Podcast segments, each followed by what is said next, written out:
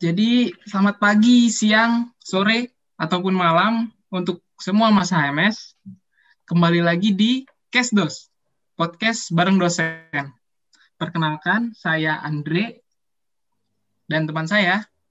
Di Ya, jadi hari ini kita kehadiran seseorang yang hebat nih.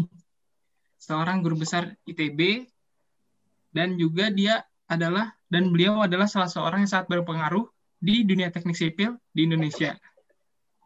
Dan dia adalah Profesor Insinyur Iswandi Imran. Gimana Pak Iya. kabarnya? Alhamdulillah Yes. baik. Tetap semangat aja pokoknya. Jaga kesehatan. Iya Pak, amin. Ya, jadi mungkin latar belakang beliau. Beliau adalah seorang lulusan S1 ITB. Kemudian beliau melanjutkan studi S2 dan S3 di University of Toronto, Kanada. Mungkin kita mulai aja Pak tanya-tanyanya. Mangga, silakan. Iya, mungkin pertanyaan pertama nih Pak. Dari sekian banyak profesi yang ada, mengapa Bapak memutuskan untuk menjadi dosen? Apakah mungkin cita-cita Bapak dari kecil atau mungkin ada keresahan Bapak sebagai mahasiswa dulu nih Pak? Boleh diceritakan mungkin Pak? Jadi eh, sebenarnya saya jadi dosen itu kejeblos sebenarnya. Eh, ya bisa dikatakan begitu gitu ya. Dari awal ya walaupun dulu saya suka eh, memberikan apa namanya apa namanya kayak asistensi ataupun juga bimbingan lah ke teman-teman seangkatan gitu ya. Kalau mereka ada masalah dalam tugas, ingin belajar sebelum ujian, memang dari dulu saya jadi tempat bertanya gitu ya. Kebetulan begitu. Nah, memang di garis keluarga saya juga kebetulan orang tua saya itu eh, dosen dulu ya. Nah, saya nggak tahu apakah itu kemudian juga menurun ke saya. Tapi saat saya memutuskan jadi dosen itu bukan karena eh, apa namanya saya langsung mena- apa seperti kayak menyiapkan segala sesuatunya, saya apply, saya pengen jadi dosen tuh enggak seperti itu ceritanya. Jadi ini lebih karena dulu kebetulan alhamdulillah saya ranking satu gitu ya di lulusan angkatan kami 82 ya. Jadi sebelum lulus ya mungkin satu semester sebelum eh, kelulusan saya itu dipanggil sama satu lagi teman saya satu angkatan yang juga rankingnya yang paling tinggi lah gitu ya di antara teman-teman sekalian. Dipanggil oleh salah satu guru besar di ITB saat itu ya. Jadi ada Pak Profesor Sosrowinarso namanya ya. Kemudian juga Pak eh, Profesor Widiatnya Namarati saat itu beliau belum profesor ya tapi sudah menjadi dosen cukup senior saat itu. Nah ceritanya saat itu eh, ITB sedang mengelola beasiswa untuk uh, studi lanjut di luar negeri gitu ya. Dan kebetulan uh, sudah di tahun ketiga atau keempat gitu saya lupa persisnya waktu itu, di mana sudah uh, istilahnya sudah uh, ini yang terakhir lah gitu ya, slot yang terakhir dan mereka berharap kami yang dipanggil saat itu saya sama teman saya satu angkatan untuk segera bisa lulus di wisuda zaman dulu wisuda ya mungkin sama kayak sekarang ya itu Maret ya. Jadi mereka berharap kami bisa lulus untuk wisuda Maret tahun 87 saat itu ya. Sehingga bisa disegera diproses untuk diberangkatkan untuk apa studi lanjut ya dengan memanfaatkan beasiswa yang uh, dikelola oleh ITB uh, sehingga uh, bisa maksimal gitu ya. Jadi maksudnya saat itu umur beasiswa itu hanya sampai mungkin dua atau tiga tahun gitu ya uh, yang tersisa ya. Jadi artinya kalau kami bisa berangkat cepat itu artinya bisa termanfaatkan minimal untuk satu gelar yaitu gelar S2-nya gitu kan. Nah, jadi di situ sebenarnya ya waktu pas ditawar, dipanggil kan kemudian ditawarin ya rada kaget juga ya apa namanya. Jadi diminta untuk tetap di ITB gitu ya. Terus uh, saya masih agak sedikit dalam tanda kutip lah ya. Uh, belum merespon terus mungkin mereka melihat maksudnya dosen yang memanggil kami saat itu melihat ini kayaknya ada keraguan terus langsung dibilang nanti diberangkatkan ke luar negeri untuk segera sekolah katanya kan nah di situ saya langsung gimana gitu ya karena memang cita-cita cita-cita saya waktu dulu S1 di ITB gitu ya saya ingin cari beasiswa untuk melanjutkan studi ke level yang lebih tinggi gitu ya. Kalau bisa S2 bahkan kalau bisa S3 gitu ya. Jadi pengen sekali. Jadi ada keinginan yang sangat luar biasa uh, saat itu di saya ya untuk bisa sekolah di luar negeri. Itu suatu cita-cita yang yang mungkin dipicu juga oleh cerita-cerita yang kami yang saya dapatkan dari teman-teman yang sudah duluan ke sana gitu ya ataupun juga kakak-kakak kelas gitu ya betapa sekolah di sana eh, apa namanya eh, sangat menarik gitu ya banyak eh, hal yang bisa kita kita eh, kerjakan dan banyak yang bisa kita pelajari gitu ya dan lain sebagainya. Termasuk juga tentunya uh, upaya untuk memahami culture di luar gitu ya termasuk bahasanya dan lain sebagainya gitu loh. Nah jadi lebih di aspek itu waktu itu saya tertarik ya uh, sehingga pada saat penawaran itu datang ya ya saya bilang ya saya akan bicarakan dulu dengan orang tua saya uh, tapi saya saya pribadi tertarik untuk ikut dalam program ini. Kira-kira bahasanya begitu. Ya itulah kira-kira ya. Nah setelah uh, apa namanya kemudian saya memutuskan ya udah secara otomatis ya bahwa saya sudah dalam tanda kutip gitu ya uh, masuk dalam uh, istilahnya urutan yang uh, nantinya kalau sudah selesai studinya ya akan dijadikan staf pengajar ya ataupun staf dosen di ITB. Nah dulu karena waktunya nggak lam nggak apa ya nggak banyak ya yang tersisa untuk beasiswa tadi, jadi saya itu disegerakan diberangkatkan. Jadi nggak lama setelah saya lulus, hanya setengah tahunan eh, persiapan untuk bahasa eh, awal 88 itu eh, saya diberangkatkan. Karena tadi kan karena beasiswanya sudah uh, apa namanya batasnya sudah nggak lama lah gitu ya. Sehingga pegawai negeri saya pun belum diurus saat itu. Jadi saya belum ngurus pegawai negeri, tapi berangkat tetap dengan paspor biru seakan-akan saya pegawai negeri gitu ya.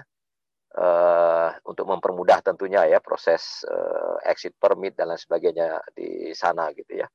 Nah jadi itu ceritanya ya sampai akhirnya saya menyelesaikan studi di uh, Toronto ya S2 dulu terus karena beasiswanya habis kebetulan karena nilai saya juga uh, baik di sana ya sehingga saya ditawarin beasiswa dari uh, perguruan tinggi setempat ya dari Toronto untuk melanjutkan dengan di S3 gitu ya sehingga saya lanjut di S3 uh, sampai kemudian tahun 94 selesai 93 akhir sebenarnya selesainya tapi saya baru pulang di 94, 94 pertengahan ya karena sempat mengambil satu posisi riset associate di sana. Uh, ceritanya untuk nabung dulu ceritanya sebelum pulang gitu ya. Uh, kemudian pertengahan uh, 94 baru saya pulang. Ya itu ceritanya. Karena sudah dibeasiswain gitu ya, dibiayain sekolahnya otomatis harus tetap di ITB ya. Harus ikut proses menjadi dosen ya. Jadi baru resmi saya menjadi dosen dapat NIP, dapat segala macam itu tahun 98. Dapat apa namanya di istilahnya kalau di proses untuk jadi dos pegawai negeri itu kan ada yang namanya prajabatan. Jadi sampai saya selesai prajabatan tuh saya resmi dapat eh, pangkat yang pertama lah gitu ya. Itu tahun 98. Ya. Nah, jadi memang saya pegawai negerinya agak telat bisa dikatakan ya. Agak telat pegawai negerinya. Tapi Uh, sebelum pegawai negeri itu uh, diperoleh ya kepangkatan jabatan dan lain sebagainya saya sudah mulai ngajar ya sejak saya pulang dari Toronto sudah diberi kepercayaan ngajar beberapa kelas gitu ya sampai sekarang tentunya kira-kira begitu ceritanya jadi memang uh, agak unik ya ya tadi mungkin nggak tahu bahasanya tepat apa enggak ya kejeblos atau atau memang sudah garis tangannya seperti itu gitu ya, kira-kira begitu. Menarik sekali Pak. Mungkin selama Bapak lebih dari 20 tahun ya, hampir 30 tahun menjadi dosen Pak. Suka dukanya ya. apa mungkin Pak menjadi dosen? Wah, ya kalau menjadi dosen yang pertama tentunya kan eh, apa namanya ya apalagi waktu saya baru pulang tahun 94 itu saya baru pulang untung saya bawa tabungan ya karena sempat jadi riset associate di Toronto gitu ya, jadi lumayan banyak tabungan ya. Kalau saya nggak punya tabungan, mungkin saya nggak survive jadi dosen waktu itu. Karena saat 94 saya pulang, uh, saya masih honorer namanya kan, karena belum pegawai negeri.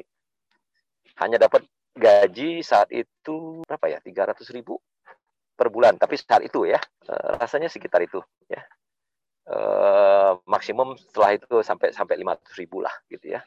Jadi bisa dikatakan uh, pendapatan dari uh, aktivitas mengajar, uh, jadi dosen gitu saat itu ya, karena memang belum resmi ya.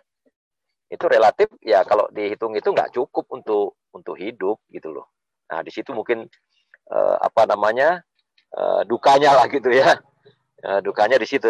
Dukanya yaitu memang kita sebagai dosen ya tidak bisa berharap suatu penghasilan seperti seorang pengusaha atau kita kerja di swasta gitu ya, apalagi dosen di uh, perguruan tinggi negeri seperti ITB gitu ya.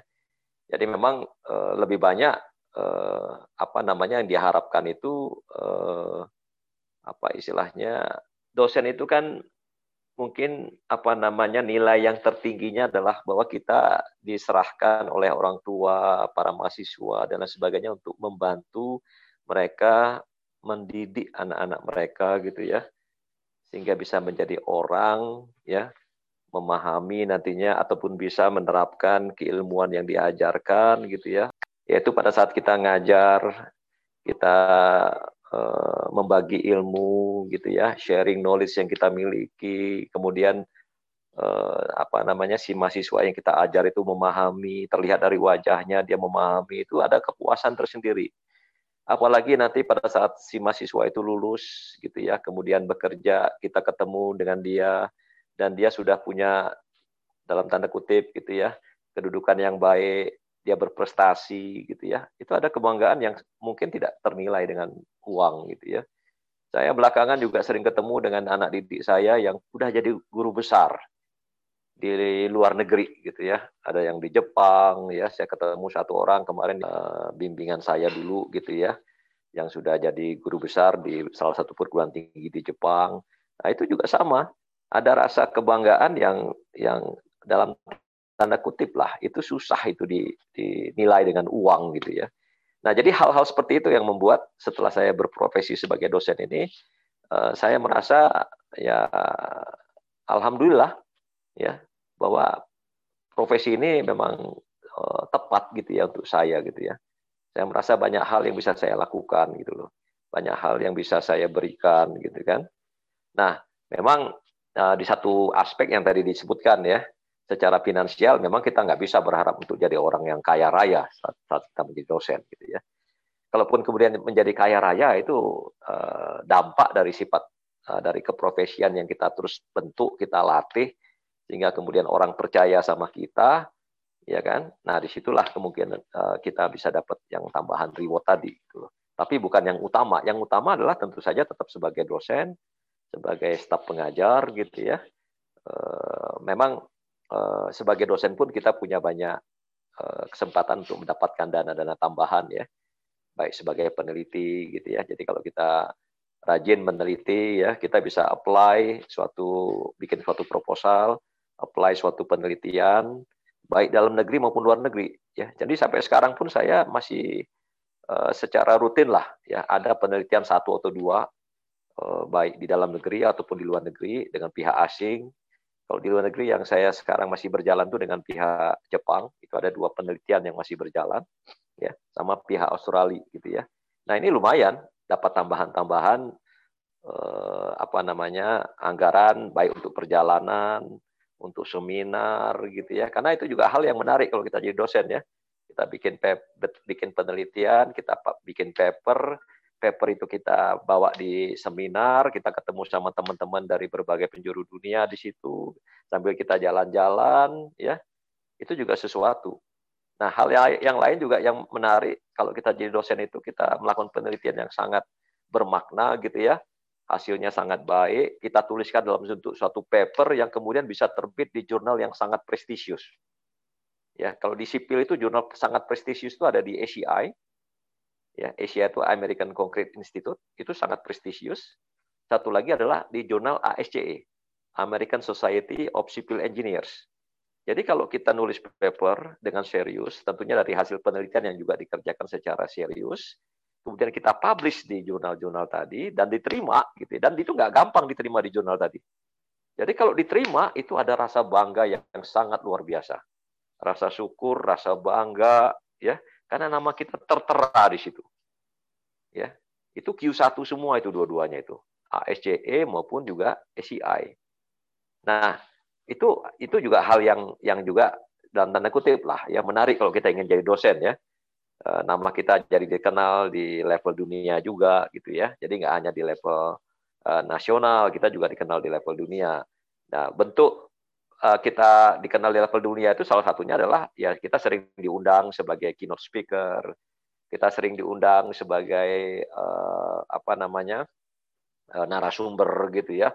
Kadang kita diundang sebagai uh, advisor untuk suatu kegiatan apakah itu penelitian ataukah itu suatu kegiatan untuk pembentukan suatu program studi misalnya kan kadang kita juga diundang uh, apa uh, sebagai visiting scholar gitu ya untuk ikut membantu penelitian di satu tempat gitu ya itu hal-hal yang dalam tanda kutip lah se, se, apa, seiring dengan berjalannya waktu kalau kita menjalani profesi ini dengan serius gitu ya, maka kita akan dapat gitu hal-hal seperti itu gitu loh. Nah, jadi sebenarnya tidak harus da, apa menjadi dosen untuk bisa seperti itu ya, menjadi yang lain pun juga selama ya. Kalau kita serius kita jalani, kita pro, profesional di profesi kita gitu ya. Uh, kita jalani dengan serius, kita juga akan banyak mendapatkan tadi hal-hal seperti tadi. Tapi bentuknya tentunya berbeda gitu loh. Jadi kalau dosen kan bentuknya tadi kan undangan sebagai keynote speaker, undangan sebagai uh, apa visiting scholar atau visiting profesor gitu ya dan lain sebagainya. Nah, itu itu itu juga sesuatu sebenarnya pada saat kita diundang itu ya oleh somebody yang kita tidak kenal di luar negeri gitu ya. Wah, itu rasanya kan ada suatu kepuasan yang nggak bisa nggak bisa terbayangkan. Nah, itu ya uh, yang yang yang menurut saya menarik ya kalau kita ya minimal dalam profesi saya sebagai sebagai dosen. Nah memang uh, belakangan juga uh, karena tadi ya saya juga banyak karena sebagai dosen kan kita nggak bisa hanya uh, berbasis pada textbook gitu ya untuk ngajar mahasiswa kita ya. Kita juga harus berpraktek ya. Kalau kita nggak berpraktek sebagai dosen ya sulit kita menjelaskan ke mahasiswa nantinya Eh, eh, teori-teori ataupun juga eh, code-code peraturan-peraturan ya yang nantinya tentunya perlu kita sampaikan ke para mahasiswa. Itu sulit kita menjelaskannya. Bagaimana kita menerapkannya segala macam. Kalau kita nggak pernah berpraktek ya kita hanya tahu teorinya doang misalnya. Tapi dengan kita berpraktek kita bisa menjelaskannya dengan lebih baik. Kita tahu di mana titik-titik kritisnya. Kita tahu penekanan-penekanan yang penting disampaikan ke para mahasiswa itu di aspek mananya gitu loh. Nah, oleh karena itu makanya sejak awal saya jadi dosen pun juga saya membuka diri untuk berpraktek di industri konstruksi gitu loh. Ya. Eh, dalam upaya saya untuk semakin meningkatkan kemampuan saya ya di bidang keteknik sipilan khususnya di bidang struktur, material gitu ya.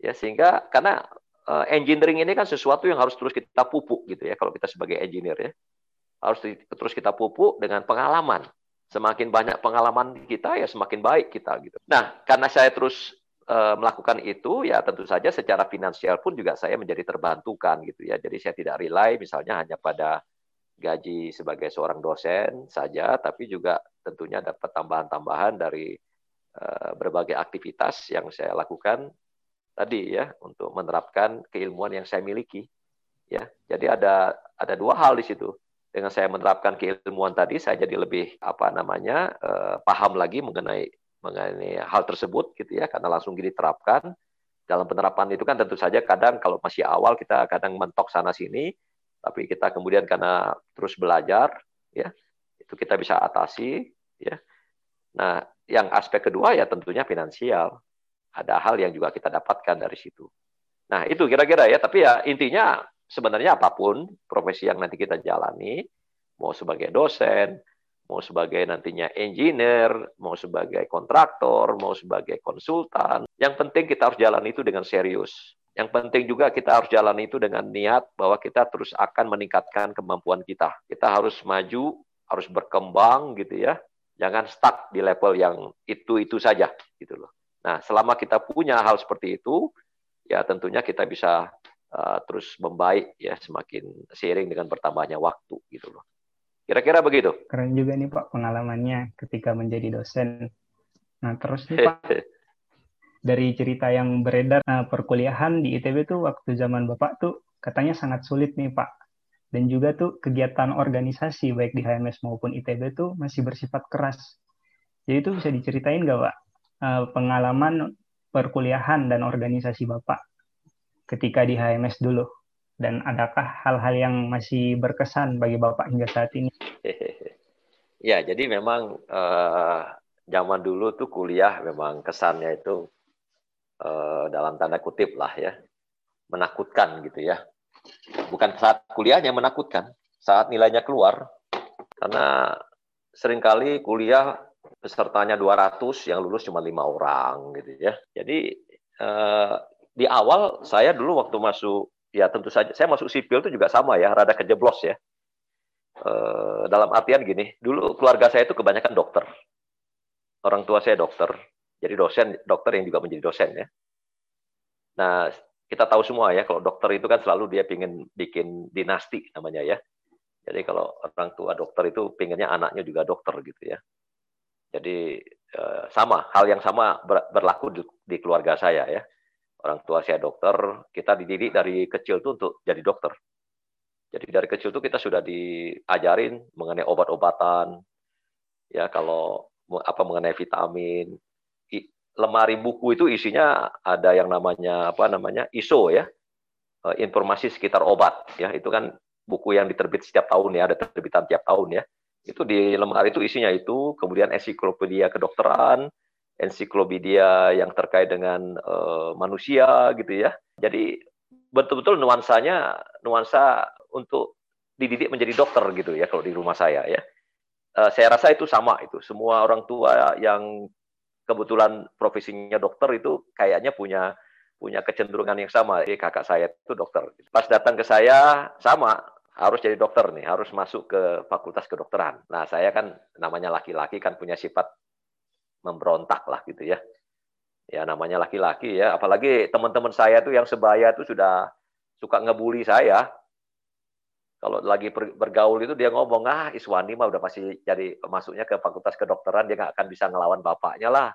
Pasti disuruh bapaknya masuk kedokteran, dia pasti ngikut aja. Nah, jadi dipanas-panasin seperti itu malah saya jadi timbul perlawanan gitu loh. Nah sehingga eh, waktu dibilang gitu saya nggak mau. Saya bilang enggak, saya pingin sekolah yang lain lah cari variasi saya bilang gitu kira-kira gitu kan. Cari informasi sana sini sana sini kan. Zaman itu kebetulan teknik sipil itu di ITB ya pertama gini saya pengen di ITB kuliah. Saya bilang ya. Karena itulah salah satu yang bisa menetralisir gitu ya keinginan orang tua saya untuk saya jadi dokter. Jadi harus ke sekolah yang top of the class gitu ya. Top of the class university yang top gitu ya. Eh, dan, dan apalagi saya bilang saya maunya ke engineering saya bilang. Teknik mau nggak mau kan harus pilih sekolah yang top of the class gitu kan. Dalam upaya meyakinkan orang tua saya bahwa saya serius gitu loh. Saya nggak mau jadi dokter saya punya keinginan yang lain gitu kan. Nah waktu itu ya ITB sampai sekarang tentu saja ya ITB top of the class lah untuk uh, sekolah keteknikan gitu ya engineering gitu ya. Nah terus saya cari-cari juga informasi jurusan apa sih yang top di, di ITB itu kan dari informasi-informasi yang saya kumpulin dari kakak-kakak kelas yang sudah duluan ke ITB gitu ya. Itu ya ada sipil dia bilang kan yang yang top saat itu ya elektro mesin sipil termasuk top top top 3 waktu itu. Maksudnya top of the class lah ya. Sipil eh, elektro eh, mesin itu yang banyak disebut lah ya. Nah oleh karena itu kemudian saat dulu ada yang namanya perintis satu ya ada perintis satu, ada perintis dua. Saya ikut perintis satu. Perintis satu itu perguruan tinggi yang lima besar lah. ITB, Gajah Mada, UI, UNER kalau nggak salah. Terus ada satu atau dua lagi gitu ya. Jadi saya daftar di perintis satu, saya daftar ke sipil. ya Karena ingin uh, menunjukkan bahwa saya bisa tembus uh, jurusan yang paling sulit katanya saat itu untuk bisa diterima. Gitu loh. ITB lagi kan. Jadi ada suatu uh, tantangan lah yang sengaja saya saya saya buat di situ kan agar itu nanti kalau diterima alhamdulillah pasti senang dan yang kedua meyakinkan orang tua saya bahwa saya serius gitu loh. Jadi nggak main-main masuk ke sekolah yang uh, saya pilih lah gitu ya. Alhamdulillah keterima ya uh, sangat sangat membanggakan juga waktu itu kan terasa banget karena saya dari daerah SMA saya di Palembang ya bukan di uh, Jawa ya saya di Palembang SMA saya jadi yang pertama saya lihat waktu keluar list penerimaan itu perintis satu ya cari nama saya dulu tentunya kan yang saya cari pertama adalah pilihan kedua, bukan pilihan pertama. Pilihan kedua saya waktu itu planologi. Wah, nggak ada di planologi. Wah, mulai timbul kekhawatiran kan. Baru masuk ke teknik sipil, pilihan pertama. Siapa tahu kan. Ternyata alhamdulillah ada nama saya di situ kan. Setelah saya lihat nama saya, kedua yang saya lakukan apa? Saya cari nama-nama nama-nama cewek lah gitu istilahnya. Pengen tahu ada berapa cewek sih. Iya serius itu, saya lakukan itu. Ya cari kan oh ada satu dua tiga empat lumayan. Ya nama-nama cewek lah ya. Eh, apa namanya oh, saya lihat Buya ada mungkin lah sekitar sepuluh. Wah alhamdulillah. Jadi nggak nggak kering-kering amat nih ya masuk sipil gitu ya. Gat kata terus dipanggil untuk pendaftaran. Eh, kita daftar. Setelah daftar itu baru ketahuan ceweknya cuma dua gitu hanya dua. Ternyata nama-nama yang tadi saya pikir cewek itu ternyata pada bukan bukan cewek, tapi cowok. Namanya mirip cewek gitu kan. Ya, ada Evi Novara. Saya pikir cewek tadinya kan, oh ternyata cowok gitu kan. Kebetulan Evi Novara ini termasuk yang lulusan terbaik yang sama-sama saya waktu itu kan. Itu menjadi teman TA saya. Itu awalnya saya pikir beliau cewek itu, serius. Ternyata cowok gitu kan. Tapi kita kemudian dekat ya eh, bersahabat karena kita satu pasangan untuk tugas akhir. Nah, jadi Eh, setelah itu ya masuk ke ITB ya. Kita di TPB dulu. TPB kan dalam tanda kutip lah. Uh, saya masuk TPB itu merasa ini kayak kayaknya terlalu ringan ini untuk saya gitu kan. Iya karena itu SMA plus itu bisa dikatakan. Kita ngulang lagi fisika ngulang lagi matematika juga ya begitu gitu ya. Jadi uh, saya pertamanya karena tadi serius belajar gitu belajar serius banget saya di semester satu Nilai saya hampir A semua. Jadi uh, malah terjadi kondisi demotivasi gitu loh. Wah, ternyata gampang gitu kira-kira gitu loh. Di semester kedua karena tadi kan nganggap ringan kan. Wah, nilai saya A semua nih. Nggak usah serius belajar lah, main-main aja lah. Main-main juga pasti lulus gitu kira-kira gitu kan. Betul lulus saya men semester 2, tapi nilai saya dropnya luar biasa. Yang tadinya A semua menjadi hampir B semua. Untung karena di pertama A semua, hampir A semua, yang di keduanya B hampir eh, B semua gitu ya. Dapatnya nilainya antar A sekitar 4,5 lah IP saya di TPB ya. Jadi masih masih untung gitu. Ya, karena yang semester 2 saya nggak belajar. Nah, kemudian sifat nggak belajar di semester 2 tuh kebawa ke jurusan. Karena di jurusan kan udah mulai banyak aktivitas kan. Ada OS lah, ada segala macam lah. Ya, walaupun kemudian kita dengar cerita-cerita yang santer juga waktu kita di TPB bahwa kuliah di sipil itu sulit banget. Ya. Kuliah-kuliahnya itu sulit gitu kan. Uh, kita dulu mendengar yang namanya kuliah-kuliah killer, eh dosen-dosen killer. Ya, kalau dulu istilahnya dosen killer, terkenal itu. Jadi dosen-dosen yang killer itu disebut killer. Kenapa? Karena kita ngambil kuliah ya beliau, ya dosen killer tadi itu untuk tingkat kelulusannya itu rendah sekali. Ya, rendah sekali. Jadi bahkan ada dosen ya membatasi nggak boleh dapat A mahasiswanya. A itu Tuhan katanya. B itu saya dosen. Kalian tuh maksimum C gitu. Kira-kira begitu. Jadi nggak aneh waktu itu kuliah di sipil kadang nilai kita terbaik itu C di kelas itu terbaik tapi dapat C. Jadi tidak di statistik seperti sekarang. Jadi zaman itu kadang nilainya memang ada yang sudah mulai menstatistik juga saat itu ya. Terutama dosen-dosen muda yang baru pulang seperti waktu itu ada Pak Adang, Surahman baru pulang dari luar itu dia terapkan penilaian dengan cara statistik gitu ya. Di apa didistribusikan. Kemudian ada Pak Ananta ada beberapa lah yang berpulang ya. Tapi dosen-dosen yang eh, lama yang tua-tua gitu ya masih konsep penilaiannya itu absolut gitu loh. Apa yang kita dapat di ujian itulah yang kemudian dikeluarkan nilainya. Sehingga ada kelas kadang eh, nilai tertingginya C nggak ada A nggak ada B. Jadi waktu saya masuk di tingkat dua tadi kan apa uh, udah banyak mendengar tadi ya ada dosen killer segala macam ya terus saya ngalami sendiri memang ya jadi kelas mektek itu ternyata waktu kita di kelas sehari-hari paling cuma 300 uh, 150 orang gitu ya uh, apa namanya di dalam kelas gitu ya.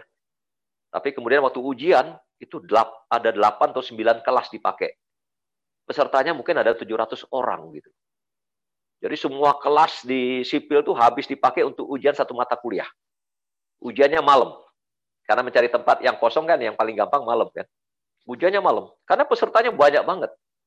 Saat ujian tuh saya baru tahu, oh senior-senior yang tadinya keras ke saya, lagi oh segala macam, ternyata masih ngambil kuliah mektek gitu ya. Ada yang udah empat tahun di atas saya, masih ngambil kuliah mektek. Serius. Masih ngambil kuliah tingkat dua. Itu kuliah mektek tuh terkenal, kuliah yang sangat-sangat sulit untuk lulus. Ya, sangat sulit untuk lulus. Nah, saya alhamdulillah tadi dengan belajar yang tetap masih belum terlalu serius gitu ya. Eh, apa namanya? masih lulus langsung ya, dapat C gitu ya bukan nilai yang baik. Tapi ada beberapa mata kuliah saya, nah zaman dulu masih ada HER namanya. HER itu uh, kita diberi kesempatan, jadi nilai kita kurang untuk lulus gitu ya, tapi kita diberi kesempatan untuk HER, untuk mengulang ujiannya saja. Ya, zaman dulu ada konsep seperti itu. Ya, karena kalau tidak dilakukan seperti itu ya bisa banyak yang nggak lulus gitu ya. Jadi kita diberi kesempatan belajar lagi, Eh, mungkin dalam waktu seminggu untuk mempersiapkan diri, nanti uh, ujiannya seminggu setelah itu gitu. Nah, di situ kemudian ya ada di semester 3 itu saya mungkin bisa dikatakan ada empat mata kuliah saya HER dari 9 atau 10 mata kuliah yang saya ambil ya ya HER ya tapi uh, ya tadi karena saya banyak main kan tapi sebelum ujian HER itu saya sudah ngungsi duluan ke satu tempat gitu ya uh, bersembunyi semedi supaya nggak ada yang ganggu gitu kan. Karena tadi serius banget empat hair kan empat atau lima hair kan nggak gampang gitu.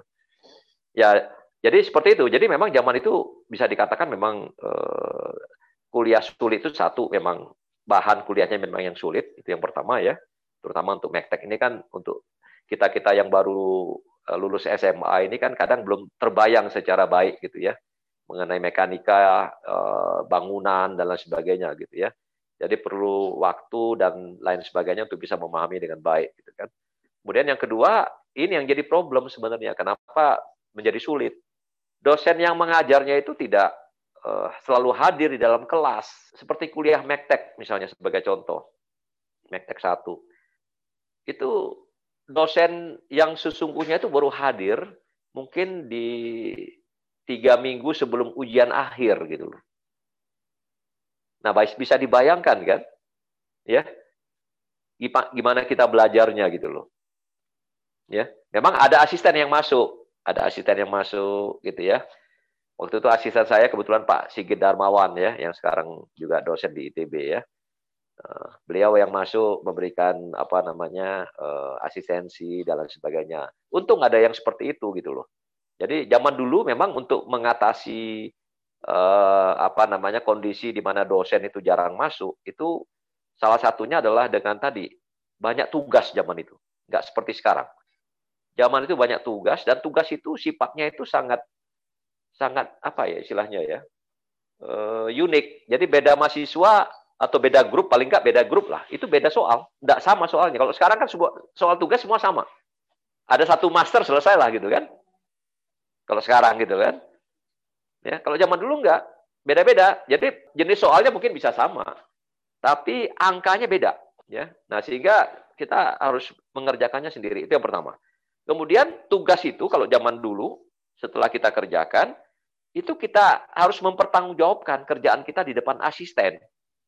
Kita harus menjelaskan bagaimana kita menghitungnya. Nah, kalau kita nggak bisa menjelaskan, suruh pulang. Anda belum ngerti, berarti Anda nggak ngerjain gitu. Sehingga kita betul-betul harus mengerjakan dengan betul gitu ya. Sehingga waktu kita asistensi ke asisten itu, jadi asisten itu bisa tahu, oh Anda memang mengerjakan dengan baik. Tapi angkanya mungkin masih ada yang salah dan lain sebagainya, atau metodenya masih yang salah, ada yang salah, si asisten itu akan ngajarin. Nah, zaman dulu seperti itu. Nah, di situlah kita sebenarnya mendapatkan pemahaman yang lebih baik ya mengenai materi perkuliahan yang uh, kita ambil saat itu yaitu lewat proses asistensi yang sangat-sangat intensif lah saat itu. Sangat-sangat intensif. Dan itu bergulir terus. Jadi nanti saya di tingkat tiga, saya jadi asisten juga, ya, jadi asisten Mektek satu saya kan, jadi asisten di arsitek untuk Mektek juga gitu ya. Nanti di tingkat empat jadi asisten yang mana lagi gitu loh. Ya itu terbentuk siklus itu Jadi uh, saat kita mahasiswa ada yang membimbing kita para uh, kakak-kakak kelas kita yang sudah duluan lulus gitu ya, membimbing kita, mengasistensikan tugas-tugas uh, yang kita kerjakan gitu kan. Kadang memberikan juga responsi. Responsi itu nanti di depan kelas menjelaskan harusnya seperti apa gitu ya. Nah, nanti setelah kita lulus kuliah itu giliran kita yang melakukan hal yang sama. Nah, saat kita menjadi asisten, saat kita harus memberikan responsi, kita kan harus belajar lagi. Iya kan? Nggak mungkin kita nggak belajar. Kalau nggak, kita malu nanti di depan adik kelas kita. Iya kan? Kita mau nunjukin sesuatu, tapi kita sendiri nggak ngerti gitu loh. Sehingga ada suatu dorongan yang luar biasa di masing-masing kita yang kemudian menjadi asisten saat itu untuk belajar lagi belajar lagi, memahami lagi, sehingga kita di depan para junior kita itu kelihatan luar biasa. Gitu Kelihatan, wah ini kakak kelas saya ini hebat, ini pinter katanya kan. Nah, tantangan itu sangat ini banget memang. Sangat berguna banget untuk membuat kita menjadi baik, menjadi baik, menjadi baik gitu loh. Nah, itu yang yang kira-kira. Nah, untuk kegiatan HMS sendiri, ya dulu kan kalau OS itu di tingkat kedua ya, Eh, sama ya kayak sekarang ya. Dulu tingkat dua kita os itu cuma sebentar osnya, hanya dua minggu. Kepala kita dibotak habis, ya. Tapi osnya itu keras banget. Mungkin nggak ada bandingannya kalau dibandingkan dengan sekarang. Ya, dulu os itu fisik. Fisik itu dalam artian ya kita olahraga, kita push up, kita sit up segala macam, tapi juga dipukul gitu ya. Jadi ada jahiliyahnya juga Ya, nah yang jahiliyahnya ya saya terlalu terus terang saya paling nggak senang. Sejak saya jadi mahasiswa, saya di OS itu paling nggak senang saya dengan hal-hal yang tadi ya pemukulan-pemukulan yang menurut saya tidak uh, uh, pada tempatnya. Kalau hanya sekedar push up, sit up, saya nggak ada objection. Ya, olahraga no objection. Ya, tapi kalau udah main fisik itu saya betul-betul objek. Nah, cuman saat itu karena kita di posisi yang di bawah ya jalanin aja. Ya. Tapi bentuk bentuk perlawanan saya ya saya nggak mau ikutan. Dia waktu saya di tingkat dua, eh di tingkat tiga, ngeos yang baru masuk, ya saya nggak ikutan. Ya. Kecuali kalau yang kegiatannya olahraga saya ikutan. Kalau di kegiatannya sudah yang jahiliyah tadi ya saya nggak ikutan. Nah kebetulan di tahun kita menjadi panitia itu tahun 84. Ya 85 kita jadi panitia 82 ya. Yang kita OS 84. Saya kata 82 ya. Yang kita OS 84 ya. Nah, 84 ini ternyata ada figur-figur yang eh, dalam tanda kutip lah yang ngelawan, nggak mau dia diperlakukan semena-mena. Nggak mau dia diperlakukan tadi kan, eh, yang tidak manusiawi tadi kan. Mereka melakukan perlawanan, mereka mogok. Eh, sejak itulah kemudian proses OS itu mulai melunak, melunak, melunak sampai yang sekarang ini kondisinya udah semakin lebih baik lah, lebih lebih pas lah untuk untuk untuk uh, mahasiswa gitu ya. Nah, jadi kira-kira begitu. Jadi memang ya ada hal positifnya juga memang ya uh, dari kegiatan yang dilakukan ya saat OS itu yaitu menyatukan uh, teman-teman kita satu angkatan ini secara lebih baik ya secara apa kementalan, eh, mental maupun juga uh, ininya ya. Dan memang ada ada dampaknya luar biasa membuat kita jadi lebih akrab ya. Lebih apa istilahnya lebih blend lah ya sebagai suatu kelompok mahasiswa ya. Ya, kita dikondisikan memang direndahkan banget itu yang membuat kemudian kita bersatu. Dan itu terasa sampai sekarang ikatan saya dengan teman-teman satu angkatan itu sangat baik sekali kita saling bantu kita juga kalau ada kerjaan yang eh, apa namanya eh, besar gitu ya kadang saling kontribusi kita kan eh, ada yang kontak saya Pak Is bisa bantu nggak? Ini ini dan seterusnya dan seterusnya. Jadi ikatan kami bagus. Kita juga punya eh, WA grup yang eh, apa namanya lumayan eh, positif lah gitu ya. Rasanya kemarin juga kita sempat eh, paparan di depan himpunan ya. Angkatan 82 yang ada Pak Bambang Susantono uh, adalah siapa lagi kemarin itu yang bicara mengenai keprofesian lah gitu ya. Nah itu memang kelihatan di situ ya angkatan 82 kebetulan sekarang memang lagi masanya angkatan 80-an ya uh, di berbagai kementerian dan lain sebagainya ya. Jadi mereka sudah mulai memegang posisi posisi-posisi kunci lah gitu ya uh, ada yang jadi uh, apa namanya deputy, ada yang jadi uh, dirjen gitu ya, uh, dan lain sebagainya lah ya. Dan dalam kondisi seperti itu ya, tapi tetap kita akrab sebagai satu grup uh, angkatan 82. Ya itu itu sisi positifnya, ya itu sisi positifnya. Zaman itu memang ada juga yang tidak ikut gitu ya, ya tapi kemudian kita akomodasi ya saat kita memegang himpunan kita akomodasi. Ada kasus-kasus lain yang angkatan yang ada yang nggak ikut ya sampai Selasa itu tetap pecah. Kalau nggak salah dulu ada angkatan berapa 90 berapa saya lupa ya. Di mana uh, kelompok yang ikut dengan yang nggak ikut tuh sama besarnya. Sehingga mereka bikin dua kelompok di sipil ya. Kelompok him dan non him gitu ya. Dan sama-sama kuat karena sama-sama besar. Punya kegiatan yang masing-masing juga gitu loh. Saling bersaing juga dan kadang berantem satu sama lain gitu kan. Nah ini kan juga jelek ya. Ya kalau yang seperti itu juga kurang bagus gitu loh. Ya, ya nggak tahu mudah-mudahan sekarang mereka sudah akrab ya, sudah menjadi satu lagi mudah-mudahan gitu. Kira-kira gitu. Rasanya udah menjawab semua ya pertanyaan yang ter, yang nomor tiga ya tadi. Iya, menarik sekali Pak pengalamannya. Mungkin kalau bagi kita mahasiswa nih, yang paling relate mungkin master tadi Pak. Mungkin masih banyak bertebaran nih Pak, master-master dan masih digunakan juga nih Pak. Mungkin ya kalau kalau dulu sih sebenarnya kita nggak ada master karena tadi karena soal-soal itu beda-beda gitu Dan yang yang yang terjadi sebenarnya adalah beberapa teman-teman yang dianggap lebih pinter gitu ya itu yang didatengin. Jadi kalau sebelum ujian atau lagi ngerjain tugas, saya saya sering didatengin oleh teman-teman seangkatan gitu yang kebetulan butuh bantuan. Ya saya saya ikhlas saya ajarin gitu ya. Dan itu waktu kita ngajarin itu juga sebenarnya kita belajar.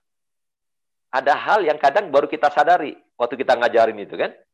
Nambah lagi ilmu kita. Jadi kita selain ngasih ilmu juga kita dapat dapat tambahan ilmu gitu loh. Makanya dari dulu saya tetap melakukan itu. Nah, kalau master itu jelek. Kalau master itu jelek. Ya. Saya dari dulu juga nggak pernah mau ngasih uh, apa namanya kalau misalnya saya dalam posisi yang seperti mahasiswa sekarang ya ngasih tugas saya itu ke orang lain untuk dicontek saya itu bertentangan dengan nurani saya. Uh, itu jelek gitu. Yang yang yang sebenarnya lebih bagus adalah kita belajar kita datangin teman kita yang lebih mengerti. Teman kita yang lebih mengerti harusnya juga mau ngajarin. Karena tadi saya bilang saat kita memberi itu selalu ada yang kita dapat. Pasti itu. Ya selalu ada yang kita dapat. Uh, master-master yang bertebaran tuh kalau bisa ada mulai di ini kan lah di apa namanya dibahas dibicarakan bahwa ini nggak sehat lah untuk ke depannya gitu loh ya nggak sehat.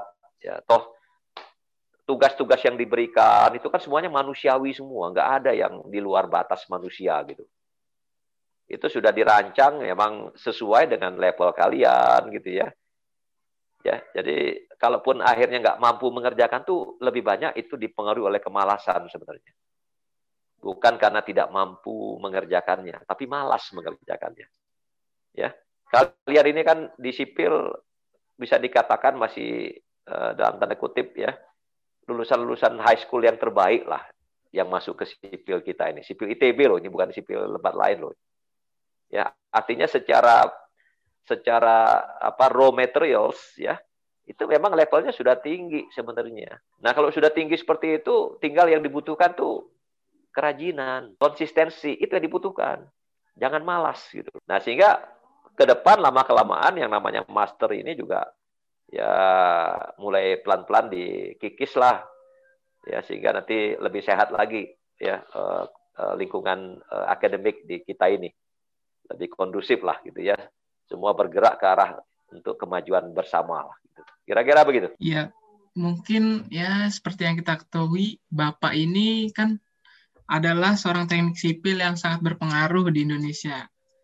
Mungkin proyek-proyek yang pernah Bapak ikuti seperti Tol Cipularang, atau Rumah Susun Pasar Jumat, dan masih banyak proyek lainnya.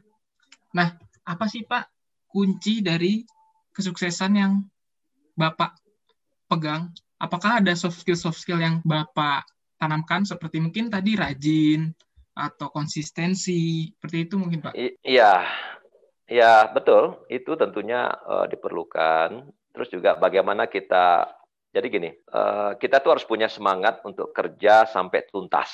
Kita sebagai engineer itu penting sekali ya kita menuntaskan pekerjaan yang kita sudah mulai. Jadi konsep tuntas itu konsep tuntas itu uh, harus kita kita terapkan. Uh, terus kita harus konsisten, kemudian kita harus cerdas, kerja cerdas juga gitu ya.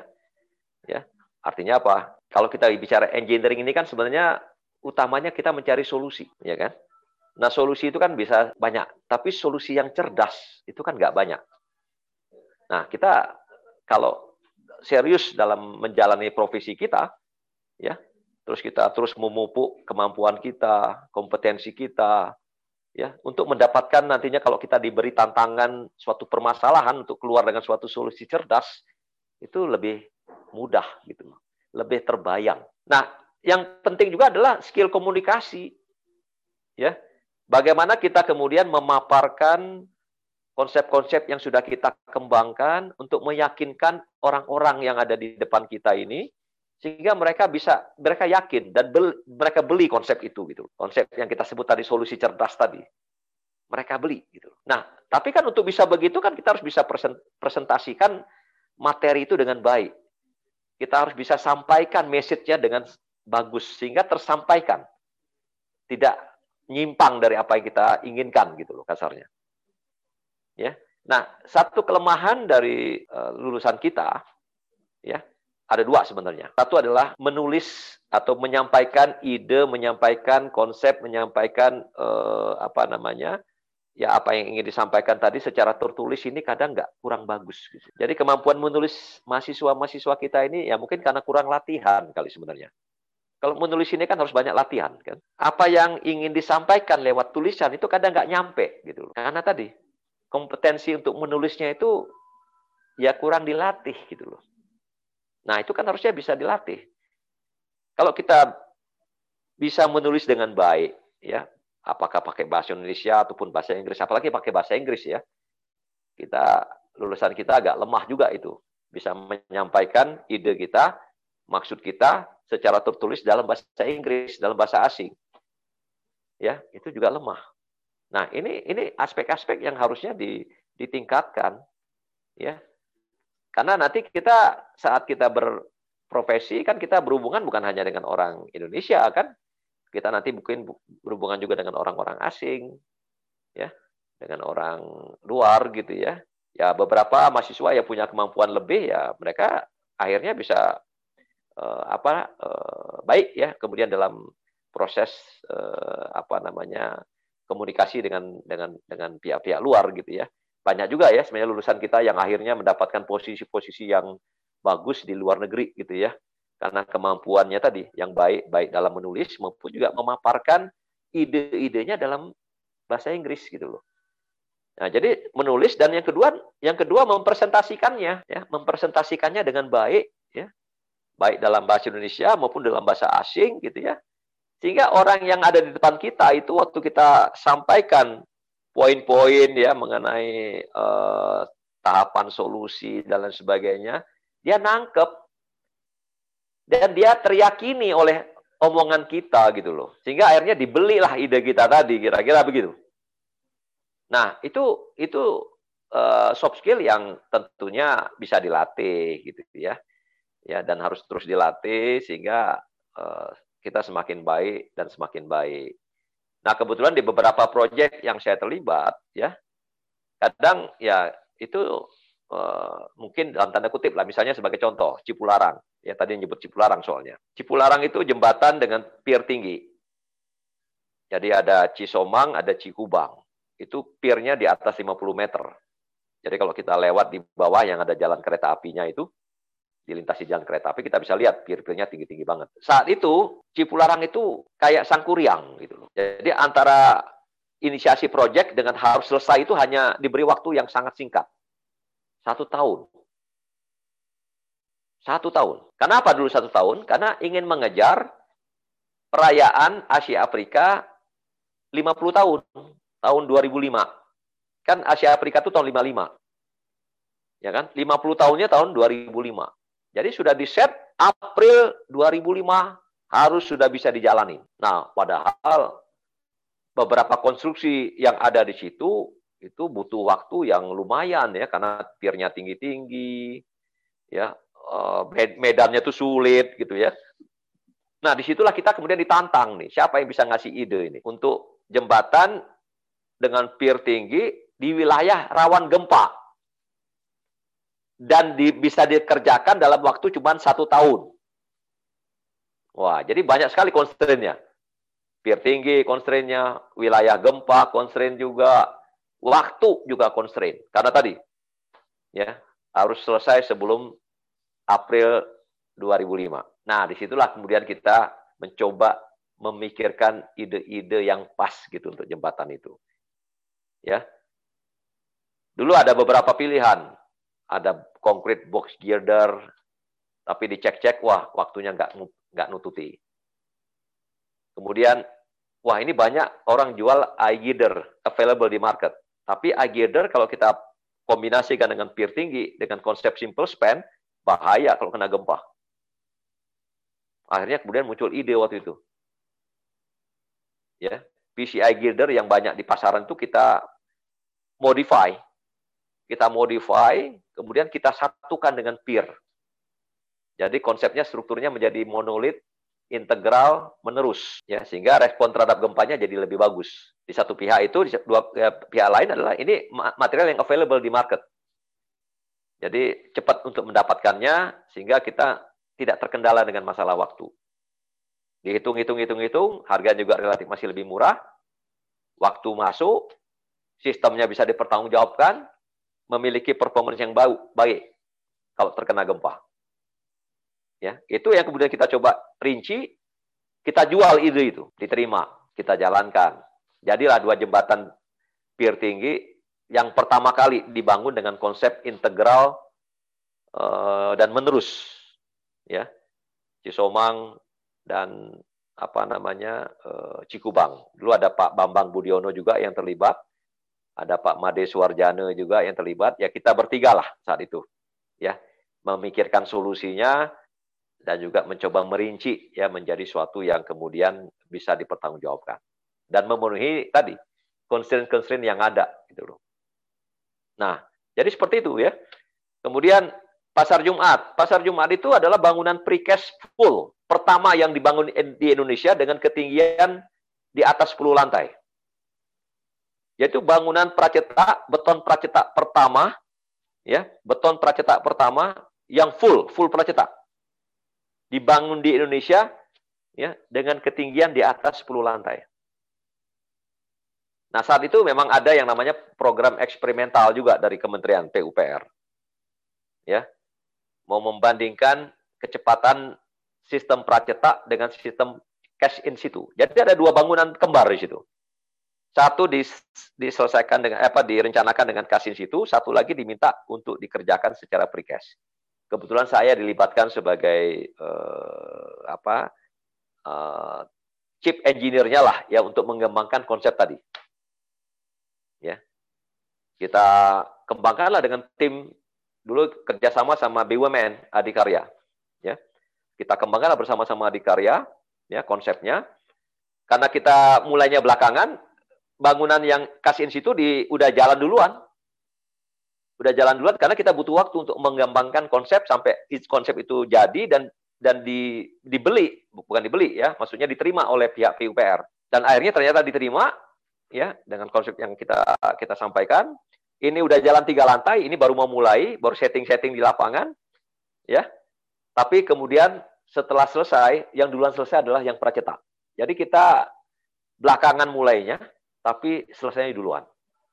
Nah, jadi itu juga banyak sekali yang kita kita dapatkan ya pengalaman dari mengerjakan uh, bangunan precast pasar Jumat ya sampai sekarang masih ada di daerah pasar Jumat Lebak Bulus gitu ya uh, itu juga sama ya mungkin yang yang tadi saya sampaikan ya itu pengalaman saya pertama uh, untuk bangunan precast full gitu ya dan langsung diterapkan untuk ketinggian yang uh, paling tinggi saat itu yang pernah dibangun di Indonesia. Nah, jadi memang saya kadang dalam tanda kutip lah suka sekali dengan tantangan-tantangan seperti itu. Tantangan-tantangan itu yang membuat saya kemudian mau belajar, mau apa termotivasi lah untuk kemudian ngorek-ngorek lagi, ya, uh, apa baca-baca lagi, ya. Kalau nggak ada tantangan ya nggak ada. Yang mau artinya kan jadi ah cuman standar-standar aja. Ngapain sih? Kira-kira bahasanya gitu ya. Nah justru dengan ada tantangan itu kita jadi termotivasi lah gitu ya untuk menggali lagi, ya uh, apa namanya uh, belajar lagi, ya. Jadi jangan jangan jangan heran ya, saya sampai sekarang masih belajar ini. Bukan kalian aja yang belajar, saya pun masih belajar. Ya. Jadi kalau sudah diberi tantangan suatu proyek yang rada nyeleneh, rada aneh, ya terpaksa. Saya belajar lagi, buka buku lagi, cari-cari informasi gitu ya. Nah, untungnya zaman sekarang dibandingkan zaman dulu, sumber informasi itu luar biasa sekarang itu abundant. Ya, baik yang resmi maupun yang enggak resmi. Yang bajakan maupun yang sah gitu kan. Banyak banget. Informasi itu waduh tak terbatas. Ya. Nah, tinggal kalian aja. Jadi kalian tuh sebenarnya diuntungkan dengan kondisi zaman sekarang ini di mana informasi itu luar biasa banyaknya. Tinggal kita mau nggak memanfaatkan itu untuk kita mengembangkan diri kita. Sehingga semakin baik, semakin baik ke depannya. Kira-kira begitu. Wah, makasih nih Pak. Uh, atas info soft skill soft skill ini yang penting buat kami ini nih calon-calon lulusan teknik sipil nih Pak. Nah, mungkin uh, Pak bisa menyampaikan pesan atau harapan Bapak nih untuk mahasiswa teknik sipil nih yang nantinya bakal ngedengerin podcast ini nih Pak? Ya sebenarnya pesan kesannya kan udah banyak tadi. Sembari saya ngejawab tadi udah banyak pesan-pesan yang yang yang apa namanya uh, ya sebaiknya dipahami dan kemudian juga diterapkan gitu ya. Jadi yang yang paling penting itu adalah ya kita selalu harus selalu mencari tantangan lah gitu. Cari tantangan sehingga kita termotivasi gitu loh.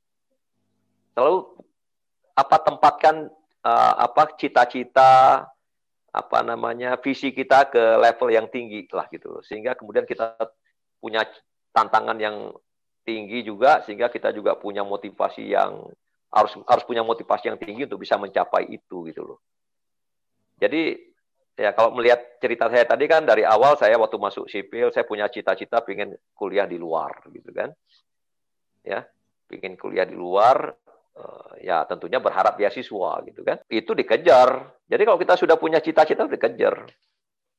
Gitu loh. Ya. Nah, itu yang penting sebenarnya. Uh, justru kita itu kalau nggak ada tantangan hidup ini, rasanya itu kurang apa ya? Kurang dinamis gitu loh. Kurang apa ya? Kurang Jadi memang hidup itu butuh tantangan gitu loh. Ya, saya dulu nikah nikah muda juga karena sengaja cari tantangan gitu loh. Saya nikah muda di usia 24 gitu ya. Ya. Ya bayangin kan, baru lulus udah berani nikahin anak orang gitu kan. Ini kan tantangan yang luar biasa kan. Dengan ada tantangan itu kan saya jadi memikirkan kan gimana caranya saya bisa menghidupi anak orang ini. Ya kan, harus cari cara dan sebagainya. Nah, itu kan. Ya, terus Waktu saya kuliah di luar negeri di Toronto, setiap dua tahun anak saya satu nambah. Coba bayangin, saya hidup di Toronto, ya kan? Selama berapa tahun ya?